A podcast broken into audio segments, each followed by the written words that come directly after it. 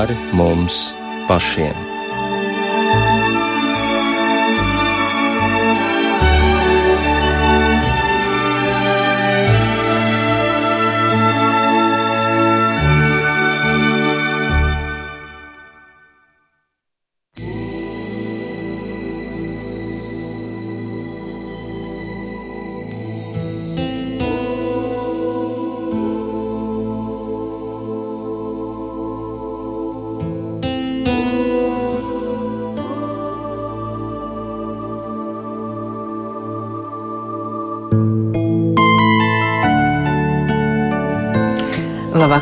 Ar jums runā Rīta Brunēvica, skaņu režijā Mārtiņš Paeglis. Šajā stundā skan raidījums pāri mums pašiem.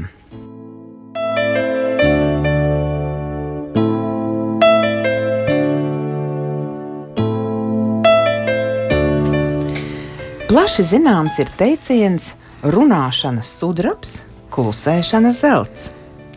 To, cik svarīgi ir kontrolēt, ko mēs pasakām, vairāk kārt ir uzsvērs ķēniņš Salamans. Savās pamācībās akcentējot, ka gudrs ir tas, kas pievalda savu muti, jo tas pasargā no bailēm savu dvēseli. Bet vai vienmēr klusēšana ir labākais risinājums situācijai? Kad tā kļūst par apzinātu manipulēšanu, un kad tā ir zelta vērtība? Kādās situācijās un apstākļos labāk ir klusēt, un kā savaldīt savu mēli, lai tā neiededzina lielu mežu. Tie ir jautājumi, uz kuriem šovakar meklēsim atbildes. Uz sarunu esmu aicinājusi priesteri Juri Jalinski. Labvakar. Juris kalpo kā vikārs ķemēru, majoru un slokas katoļu draugzēs un baptistu mācītāju Edgars Godiņu. Labvakar!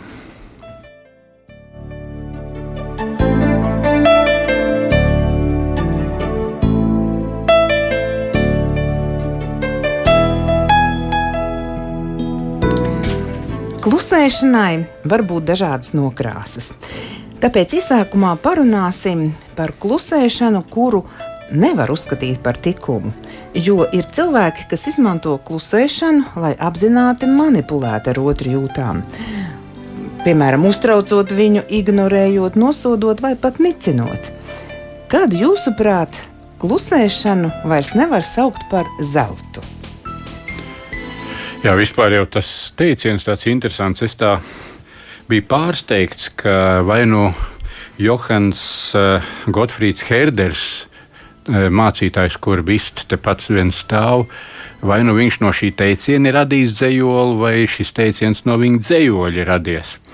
Mācies klusēt, draugs, sudr, sudrabam līdzīga ir runa, bet īstā, īstā laikā klusēt ir tīrais zelts tad izrādās, ka tas varbūt no dzējas ir nācis. Bet, ja viņš tā to ir, ir akce, redzējis kā vērtību, tad man liekas, arī mēs šobrīd šai skaļajā laikā jūtam, ka klusēšanai ir, ir pietrūcis laika. Aiztaisīt muti un druscīt eh, ļaut vaļu domām, izvērtējumam un, eh, un vispār tai tai idejai, kāpēc mēs runājam ar cilvēkiem. Vai mēs vienkārši gribam sevi vien mm, pozicionēt, vai gribam arī mazliet otru cilvēku ieklausīties un pietuvoties viņam. Sadzirdēt otru. Sadzirdēt, jā. jā. Manuprāt, šim izteicienam eh, ir eh, pilnīga taisnība eh, varbūt uh, šis izteiciens arī daudziem uh, ir labi pazīstams, un tāpēc uh, mums varbūt arī nesanāk laika pietiekoši viņam pievērst uzmanību. Bet es domāju, ka tajā ir ietverta tāda dziļa patiesība, kura, kura es domāju, ka pat nāk no visdažādākajām pasaules kultūrām jo gan austrumos, gan arī rietumos uh, bieži ir nācies dzirdēt. Uh, arī dažādās reliģijās, lasot katras reliģijas kaut kādus rakstus, un tā vienmēr tu sastopies ar šo domu, kura palīdz cilvēkam sakārtot gan sevi pašu, gan arī savas attiecības ar otru cilvēku. Un, es tā gribētu teikt, ka ja par runāšanu mēs varētu viņu noformulēt kā kaut ko tādu, ka runājot cilvēks īstenībā kaut ko dāvina otram. E, to arī otram pateikt, e, jeb uzdāvināt e, to, kas tev ir. Tās ir tavas sirds domas, tas ir tavs viedoklis. Nezinu, varbūt kāda anekdote vai iepriecināt otru. Tā ir kā tāda dāvana. Un, ja tā dāvana patiešām ir vietā, un dāvana ir arī ar prieku no otra cilvēka saņemta, varbūt nevienmēr ar prieku, jo var gadīties arī saruna, kas ir diezgan nopietna, un varbūt arī kādreiz tāda, kura arī savā ziņā var būt arī skarbāka, bet vienalga tā būs kā dāvana otram tad lūk, šajā ziņā runāšanai arī nav nekāda vaina. Bet, kā jau arī Edgars teica, tomēr laikam pirmajā vietā arī pēc šīs klasifikācijas, ka, kur mēs sakām, ka viens ir zelts, bet otrs sudrabs. Tāpat arī tomēr pārdomājot par visu šo, tad ir jāsaka, ka pirmajā vietā mums ir jānoliek šī klusēšana, kurā varbūt arī dzims tie vārdi, kurus mēs varam otram pasniegt kā dāvanu. Un līdz ar to es arī gribētu teikt, ka ne tikai pateiktie vārdi, tiem ir jābūt kā dāvanai, bet ja arī klusēšana otram ir kā dāvana, tad es domāju, ka mēs varam runāt par tādu pozitīvu klusēšanu, kas ir noderīga, kas var kalpot cilvēkam, protams, arī jau pašam sev, jo reizēm klusējot, mēs arī paši iegūstam no tā ļoti daudz. Bet, kad esam attiecībās ar otru cilvēku, un ja ir reizes, ka mēs noklusējam, neatbildam, neatbildam tāpēc, ka varbūt mūsu atbilde varētu Eh, vēl tikai eh, nu, pieliet eļļu kaut, kaut kādam konfliktam vai vēl kaut kam. Jā, tad šī klusēšana, kas tiek reizē pasniegta kā dāvana, un eh, viņa var noderēt otram, tad tā ir noteikti laba un pozitīva lieta. Jā, vairāk kaut kā gribas runāt par runāšanu, vai ne? Jo skaisti Juri pateica, ka tā ir kā dāvana. Nu, klusēšana tomēr, nu, diez vai kā dāvana var nosaukt Edgar, kā, kā tu domā? Nu, Jā, varbūt tiešām tā, ka, ka ne visai, jā. Bet nu, ir, jau, ir jau arī tās tās attiecības, kurās jau zina, otrs var runāt no rīta līdz vakaram un runāt un runāt un runāt, un tas kaut vienreiz paklusētu. Uh, bet, nu, tad šī klusēšana ir dāvana otram. Tad, tad viņš apdāvinās. Tiešām var būt dāvana, piekrītam bet, bet tā jau ir atkal tā cilvēku daba, vai nevieni ir tie klusie, kuri, kuri var dienu nodzīvot nevienu vārdu nepasakot, un otrs nevar saprast, kāpēc viņš nerunā.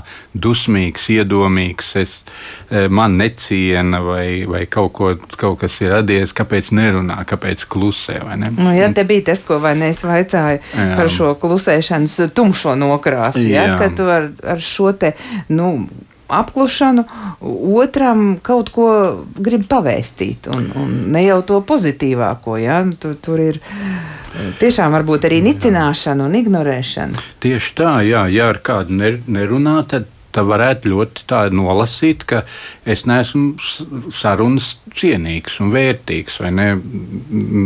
Viņš, viņš neatrod mani par sarunu biedru, viņš klusē pret mani. Tas, Augstprātīgi, jā, tas var būt ļoti, ļoti, bet šajā ziņā tu, tuvi ir arī pārpratumi, vai ne? Ka var, ka var sacīt, kāpēc es viņu apgrūtināšu ar savu sarunu, vai ne? Viņš var būt savā domās, savā dzīvēm un ka tā saruna tikai būs, būs grūtības. Jā. Bet, bet tas, tā, tas ir tāds komunikācijas jautājums arī. Kā cilvēki viens otru saprot, kā viņi var viens otram tuvoties. Jo laikam jau mēs visi meklējam lielāku dzīves labsajūtu un uh, atzīšanu, savu vietu uh, tajā vidē, kur esam? Kādu, kādu cilvēku ieinteresētību par sevi, uh, izpratni par manām domām, man stāju vai ne, vērtību. Jo bieži vien cilvēki jūtas tā, ka viņu vērtību iedod līdz cilvēki. Un, ja to iedod, tad ir, un ja neiedod, tad nav. Un eh, tā nāk parasti ar, ar vārdiem, nevis ar klusēšanu. Bet, eh, bet klusēšanai, klusēšana, klusēšana var būt arī diezgan kādreiz tāda slikta. Piemēram, es nezinu, nebija klāt tur pie Ādama eh, dēliem, pie, pie Kaina un Ābela. Bet Ābels nesaka nevienu vārdu. Ja viņš būtu pagriezies un teicis, tu zini, Kaina tā nav mana lieta, tā ir dieva lieta, ka upuri nepieņem. Varbūt Kains te nebūtu viņas sits, bet viņš klusē.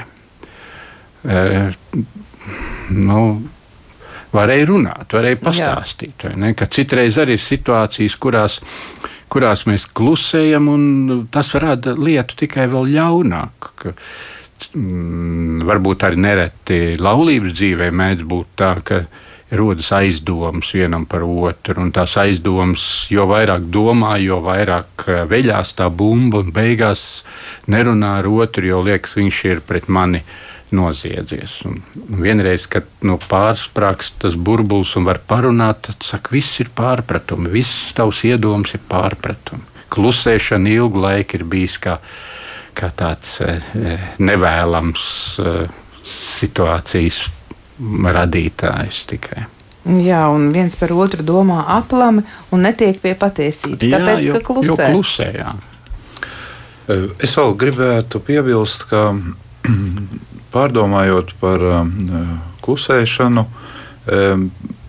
negribētos tikai domāt par to, ka tā ir tikai varbūt neizteikšanās ar vārdiem jo to mēs uzreiz primāri izprotam, ka cilvēks klusē, tad viņš ar vārdiem neko nepasaka. Bet es vairāk domāju arī par klusēšanu kā kaut kādu ļoti vērtīgu lietu, tad, kad cilvēks apklust, nu, ja tā var teikt, arī, arī iekšēji sevī arī ar savām emocijām, arī ar savām domām. Un, un šajā nozīmē es vairāk redzu arī šīs klusēšanas zeltu, jo, jo tas palīdz cilvēkam mazliet vairāk arī ieklausīties, ieklausīties gan sevī, jo tu tā labāk dzirdi klusumā, un arī ieklausīties otrā cilvēkā. Jo tad, kad tu ne tikai nerunā, bet arī esi apklusis, lai dzirdētu, ko otrs saka, tad ir daudz, daudz labāk notiek šī nu, saka, mūsu gatavība pēc tam kaut ko pateikt. Tādā nozīmē es arī saskatu šo klusēšanu kā dāvanu, jo uh, tieši šādā stāvoklī dzimst pēc tam arī mūsu pateiktais vārds otram. Jo, kā jau šeit tika pieminēts, mēdz būt reizes, kur, kur otrs cilvēks ļoti gribētu nu, kaut uz brīdi, varbūt apklusti.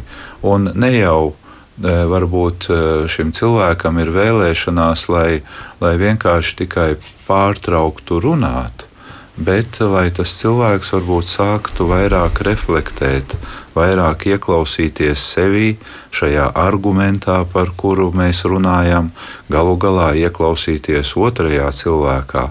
Jā, jo ir ļoti vienkārši ar kaut kādu savu gribas spēku e, sevi saņemt rokās un tagad e, pateikt, lūk, princips ir klusēšana zelts, piepūst vaigus un neko neteikt, bet iekšā tev viss vārās. Nezinu, kā ar to tikt galā. Tas tev liekas, vairs nav tik svarīgi. Galvenais, lai es klusēju. Lūk, un tādā reizē, kad tev nav apklususi tava iekšējā pasaule, tavas emocijas, tavas sirds, tavas domas, viss tas kopums, tad ļoti maz līdzi, ja tu tikai varbūt nu, savaldīsi sevi vārdos. Lai gan tas arī būs jau daudz. Jo mēs zinām, nu, ir tāda gandrīz tīri saprotama cilvēciska gradācija, jā, kad ja, ja mēs esam attiecībās ar otru cilvēku, tad pavisam kaut kas galējs būtu kaut kāda fiziska agresija. No tās noteikti vajag cik vien var atturēties, un, un, un, un nekādā gadījumā to nevar pieļaut. Tāda atkal mutiskā kaut kāda agresija, vardarbība, nu, un tad mēs nonākam līdz tam avotam, kas ir pašā cilvēkā. Protams, jau labi, ka nav fiziskā vardarbība pret otru, labi, ka nav mutiskā agresija pret otru, nu, un tad jau cilvēks paliek viens ar to, kas viņā iekšā iekšā notiek.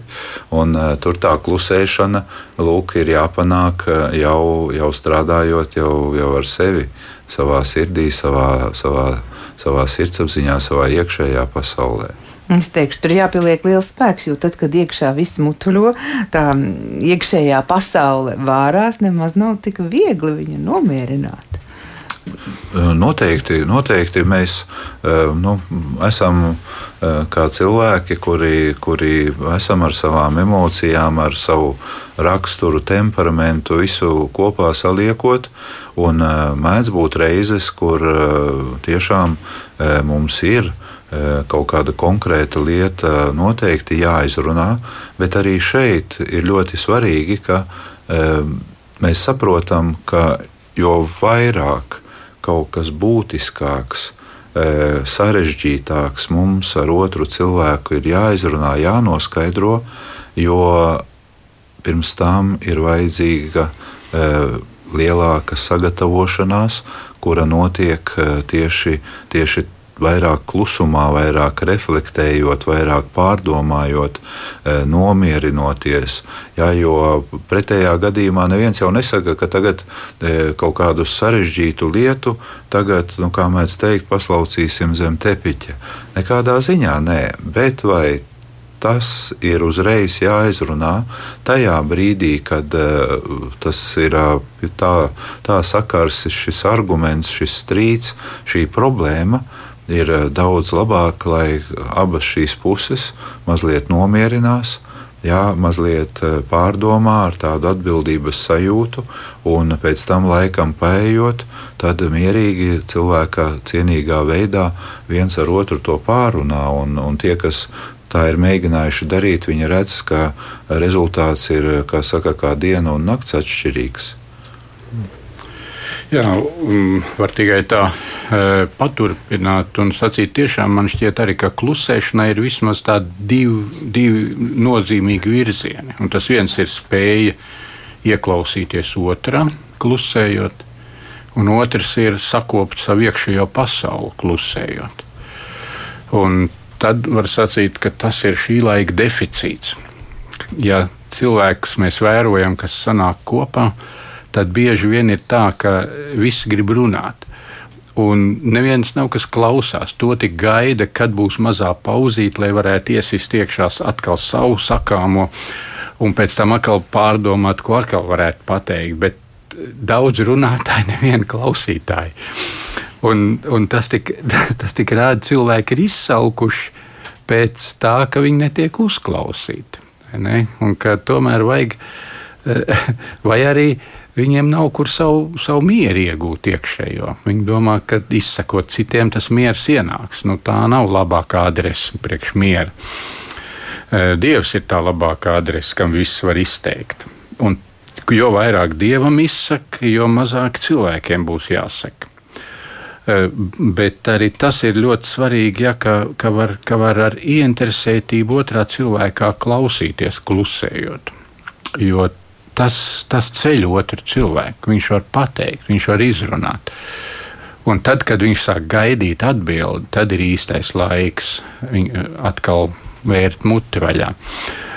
Un man šķiet, ja, ka tā ir tāda, tāda īpašība, ko varbūt arī tieši no ticīgiem cilvēkiem gaida jo viņi ir nevien sapratīgi klausītāji, bet viņi arī zina, ko ar to klausāmo vielu darīt. Jo uz, uzklausīt cilvēkus ir smagi, e, viņu dzīves ir smagas, un tad beigās apkraujas un nezinu vairs, kur liet ar to smagumu.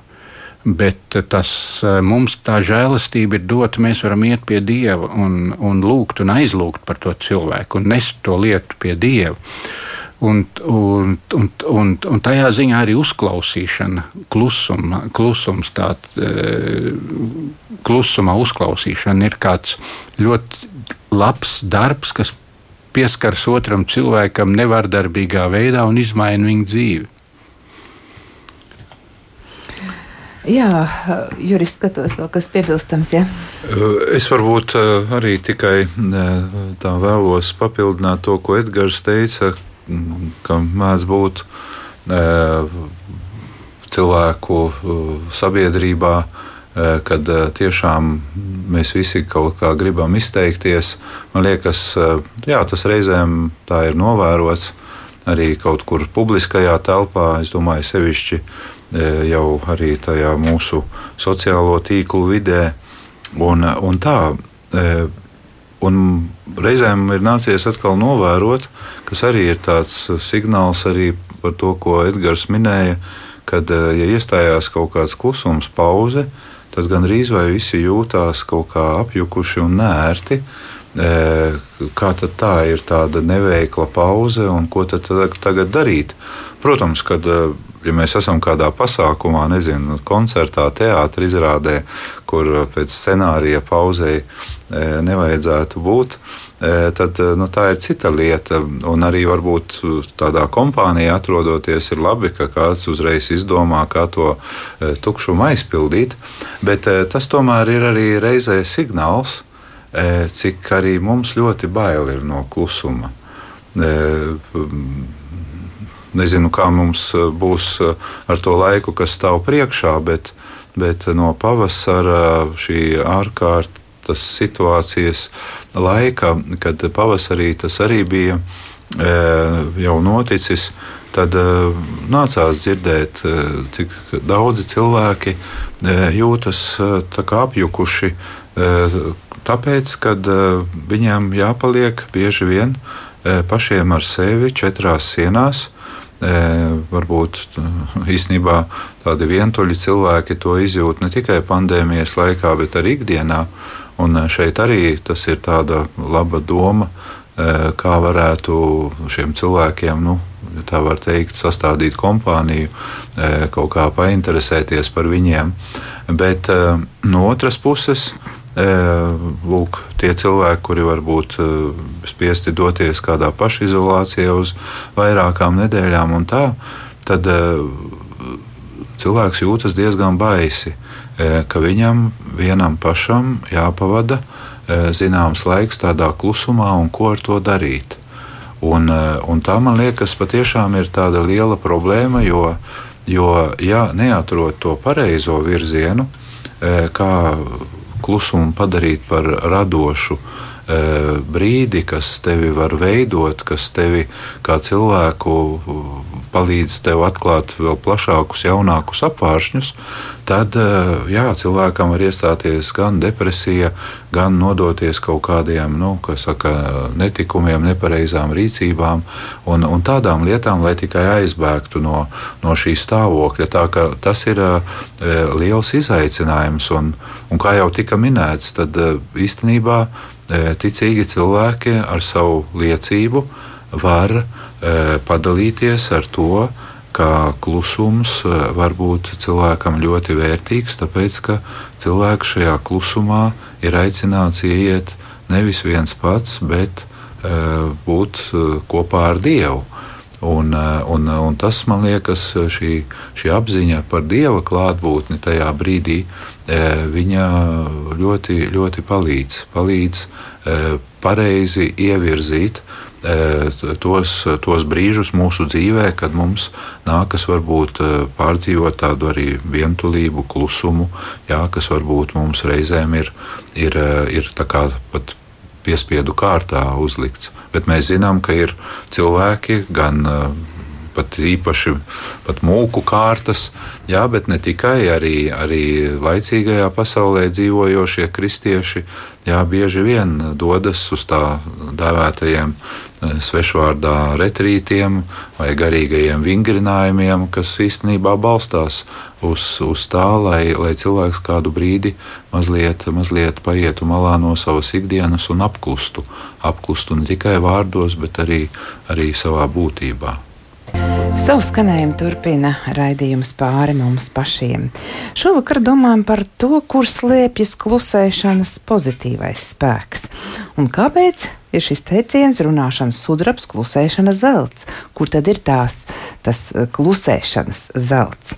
Studijā ir baptistu mācītājs Edgars Godiņš un priesteris Juris Jelinskis kurš kalpo kā vikārs ķemeru, majoru un slokas katoļu draugzēs. Raidījuma pirmajā pusstundā mm, viesi akcentēja e, to, ka arī runāšana mm, ir svarīga, un runāšana arī reizēm ir zelts, jo runājot, mēs varam kaut ko otram uzdāvināt tieši ar vārdiem. Šie vārdi var būt kā dāvana, un arī klusēšana var būt kā dāvana.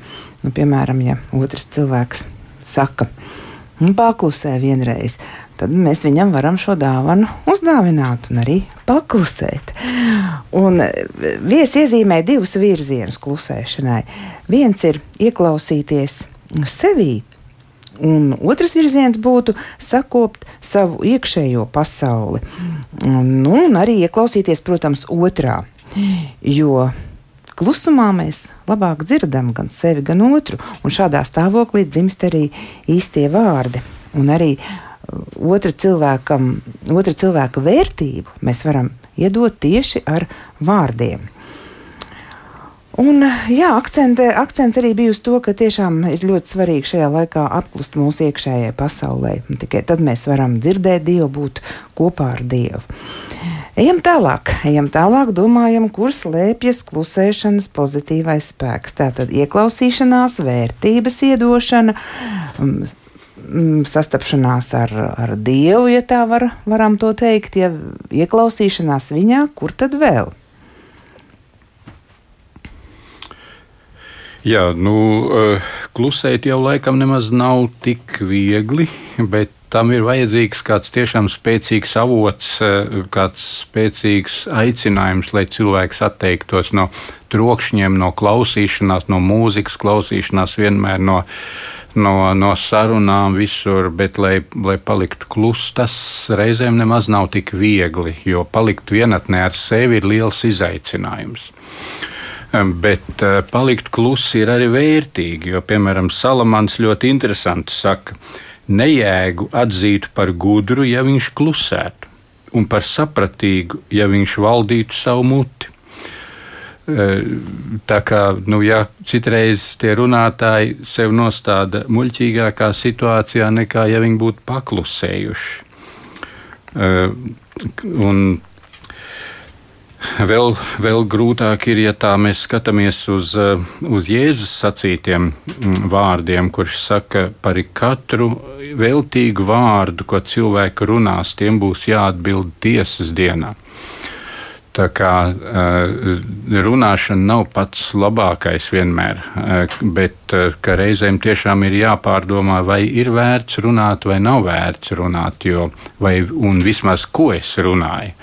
Vai mani vārdi tiešām, kā jau Jūras iepriekš sacīja, neievaino, nepazemo, nenogrūž otru cilvēku vai pat nenonāvē. Bet, bet ja, lai tie vārdi tiešām nav apsūdzami, sūdzoši, kas vēlāk pret mani vēršas. Eh, bet eh, klusēšanai it kā jau ir ļoti vienkārši. Izslēdz mūziku, nerunā, eh, patrenējies klusumu, bet cilvēkam ir grūti ar sevi palikt vienatnē. Es domāju, pilnīgi taisnība ir un nevelti.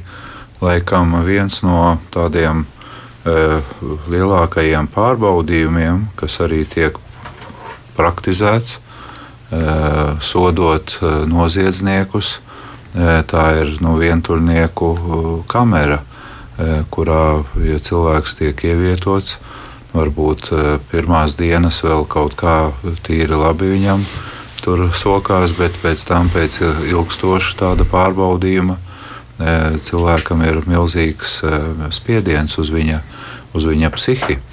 Un, tas arī ir jāņem vērā. Un, manā skatījumā arī negribētos, lai šīs mūsu pārdomas šovakar kāds pārprot un uzskata kā tikai un vienīgi aicinājumu meklēt klusumu un tajā klusumā, ja tā var teikt, palikt uz mūžiem. Nekādā ziņā nē. Ir vajadzīgs tāds pareizais līdzsvars. Un mums, kā cilvēkiem, nobriedušiem, kuriem ir jāprot sevi izvērtēt, mums jāprot arī šajā jautājumā arī uz sevi paskatīties. Es domāju, ka citreiz pat ir ļoti labi tā sev pajautāt, kā, kāda ir mana valoda, kad es runāju ar citiem, vai viņa ir tāda pliekana, banāla, virspusēja, varbūt jau pilna ar sarkasmiem, ar, ar kaut ko, kas nu, otru cilvēku, nu, ja neaizvaino, tad vienkārši nu, īpaši arī Eh, neko viņam no, no manis teiktā arī nav ko paņemt. Un, eh, ja mēs par to pārdomājam, eh, tad mēs izjūtam tādu iekšēju nepieciešamību kaut kur smelties, smelties dziļāku saturu mūsu vārdiem, mūsu domām, mūsu idejām. Un to mēs nevaram iegūt ja nemeklējam kādu brīdi arī, arī klusumā, pa, pavadīt kādu laiku. Un šai ziņā lūk, tas, tas ir kā tāds signāls.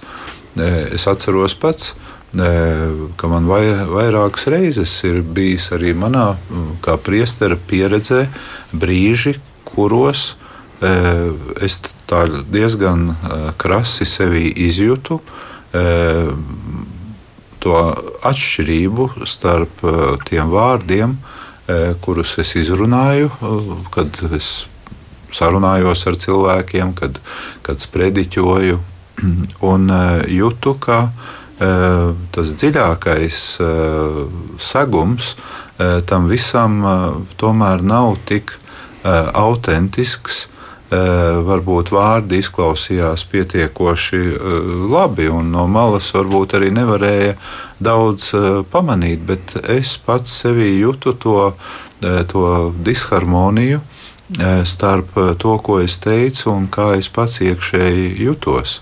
Un es pat varu pateikt, ka esmu pateicīgs šādam signālam, kas man tika dots, kurš man lika vairāk, vairāk kaut kur apklust, vairāk pameklēt kādu brīvāku brīdi, lai es varētu palūkties, lai es varētu pārdomāt, lai, lai varētu arī kādu vērtīgu grāmatu paņemt. Un, un tādās reizēs man liekas, mums katram ir, ir, ir, ir vērts tā pakontrolēt sevi, mūsu vārdus un iekšējās sajūtas, kā, kā tas iet roku rokā. Un no otras puses, atkal, tad, kad mēs esam zināmu laiku varbūt pavadījuši tā, sakopojot sevi, tad, protams, mēs nevaram to, kas mums ir uz sirds, kas ir mūsu bagātība, mēs nevaram šo sveci likt zem pūra, bet ir jāiet ar šo Eh, saņemto mīlestību, eh, jo īstenībā pamatā ir jābūt šai mīlestībai, tad mums ar to ir jāiet arī, arī pie citiem cilvēkiem, lai, lai viņus iepriecinātu, lai viņus uzmundrinātu, lai palīdzētu varbūt viņiem atrisināt kaut kādu vienu vai otru jautājumu. Jā, bet pamatā man liekas, eh, tajā pašā būtībā es saskatu jā, tieši, tieši to, kas īstenībā nu, ir rakstīts apakstuļa Pāvila pirmajā vēstulē korintiešiem, kur, kur viņš tieši uzsver to, ka ja pat es runātu ar cilvēku un eņģeļu mēlēm, Tas nozīmē, ja es savos vārdos varētu nu, izdarīt visu, vien, ko, ko, ko, ko man sirds vēlas, vai, vai, vai intelekts liek, un tā tālāk, bet ja man nebūtu šī mīlestība sirdī, jā, tā tad savienojums starp sirdi un pateiktajiem vārdiem, tad, ja sirds tur nepiedalās ar mīlestību, tad, kā viņš saka, tad es būtu tikai tāds tāds uh, zvārgulis, jā, kurš, kurš skan un, un nekas vairāk no tā nav. Tā kā, tā kā tur man liekas arī, arī tajā klusumā un sirds klusumā dzimst, dzimst šī mīlestība, kura tad rada arī, arī tālāk uh, mūsu veidu, kā mēs izpaužamies caur saviem vārdiem. Tad sākums mūsu vārdiem ir sirdī un tālāk uz mēli, un tad mēli šauj ārā. Tad ir tas, ko es raidījuma sākumā arī pieminēju, kā jautājumu, kā savaldīt savu mēli, lai tā neiededzina lielu mežu. nu, to saka apelsīns Jēkabs par to lielo mežu. Jā, jā. un uh, citā vietā mēs lasām, ka, uh, ka, nu, kā, à, no sirds pilnības muti runā. Un, ja tā sirds ir tukša, tad arī runa ir tukša. Un tādi cilvēki ir bīstami sabiedrībā, jo viņi jebkuru labu sarunu pēkšņi var izseklot, ka tur vairs nekas tālāk nenotiek. Bet, ja sirds ir pilna ar, ar, ar īstu gudrību un, un izmaiņu, tad, tad tāds cilvēks arī nav, nebūtu jākomandē apklusti vai runā. Viņš, viņš zinās to, to bagātību dot, un viņa vārdi būs dāvana, un klusēšana būs dāvana. Bet Bet nu, tā arī ir taisnība. Ja, mēs tagad par klusēšanu viens otrs pateiks, nu, jā, tas ir īsti labi. Man jau sen nepatīk runāt ne ar savu sievu, ne, ne, ne kur es esmu. Un tad tieši vajadzētu sacīt, vajadzētu saņemties un apdāvināt cilvēkus ar. Ar klusumu, ar, ja? ar, ar, ar, ar runu. jā, citiem būtu. Bet nu, pie citiem ir jāsaka jāsaka arī, ka jāiemācās apklust, jāiemācās apklust un saklausīt. E, saklausīt naktas skaņas, piemēram, kā, kā, kā šalko zosis vai, vai gulbi, kad lido pāri gaiputni. Sadzirdēt e, tādā klusumā, arī sadzirdēt sevi, sadzirdēt dievu. Cilvēks saka, kur ir dievs, kā es viņu neredzu, nezinu. Un tā Eh, vajag jau atļaut klusumu, Dievs runā klusumā. Tad uh, vajag gribēt klusumā ieiet ar sevi. Un uh, Bonhēfers diezgan daudz ir runājis par klusēšanas svētību. Viņš vienā vietā tā saka, ka klusēšanai ir brīnišķīga spēja apskaidrot, tīrīt un koncentrēt uz būtisko. Un, uh, Un es tā domāju, gan ja cilvēki ņemtu ja ne tikai vārdu klusumu, bet arī mūzikas klusumu un, un ziņu klusumu un, un to sociālo tīklu klusumu, iekšēji varbūt cilvēki justos izmisuši, viņi nezinātu, ko darīt, nav klusuma darbarīku. Bet ar laiku, ja tajā iepraktizējas, tad redz, tur notiek īstā cilvēka izaugsme. Tad vairs nav tik daudz jārunā, tad nav tik daudz sevi jāapliecina, tad nav jāizmango no cilvēkiem tā vērtība, ko kāds var iedot, jo tu nezini, kāds cik plakans tas cilvēks, cik tukšs tas cilvēks ir, kas tavu vērtību ceļ. Un, un, un tā, bet, uh, sarunu ir jātrenē. Tas ir klusums, ir jātrenē. Būt klusumā. Viens no nu, varbūt tā, ja prasīt, kur ir tie klusuma avoti. Viens klusuma avots varētu būt uh, svēto rakstu lasīšana. Ļauj, lai Dieva vārds tavā klusumā ienāk ar, ar, ar, ar, ar Dieva vārda vēstu. Tas ir kaut kas vairāk nekā grāmata. Tas ir vairāk nekā uh, nekā kāda saruna bieži vien, bet, bet tas, tas ir klusums. pārdomāt klusumā. Jo, jo viens jau ir klusēt, un cits ir tas process, kas iekšā darbojas klusumā. Tas ir domāt, analizēt, uh, savilkt kopā uh, kādus notikumus ar, ar, ar, ar atziņu izdarīt kādus secinājumus. Cilvēki ir ļoti daudz ko piedzīvojuši, bet viņi, bet viņi nav, nav daudz izvērtējuši savus piedzīvojumus. Līdz ar to pietrūkst tā dzīves gudrība. Dzīves gudrība ienāk tad, kad piedzīvojums ir izvērtēts, notikums ir izvērtēts. Tad, tad tā ir jau kā bagātība, ar kuru iet, iet tālāk. Bet tur tas ir vajadzīgs klusumā, skaļumā tas nenotiek. Klusums ir, ir, ir lūkšanu vide. Un mēģināt savu savu domu virzienu pavirzīt uz dieva pusi un sac, mēģināt taustīt klusumā dievu. Un tā ir vieta, kur notiek satikšanās starp dievu un cilvēku. To var praktizēt, un tad var redzēt, E, ka mainās cilvēka iekšējā dzīve, viņai vairāk miers ienāk. Viņam nevajag vairs tik daudz būt ar savu mēlu, citu skaitinātu, bet viņš kļūst pats stabils, uzklausīt spējīgs, iedziļināties spējīgs. E, tāds, kuram rūp apkārtējie cilvēki. Un tad tas it kā no, izveido ļoti labu balansu, ka nav viens ekstrēms uz runāšanu, otrs ekstrēms uz absolūtu klusēšanu. Bet tas ir bet tas cilvēcīgais balanss, kas ir es esmu priekš otra, bet man ir iekšā spēks no dieva tādam būt.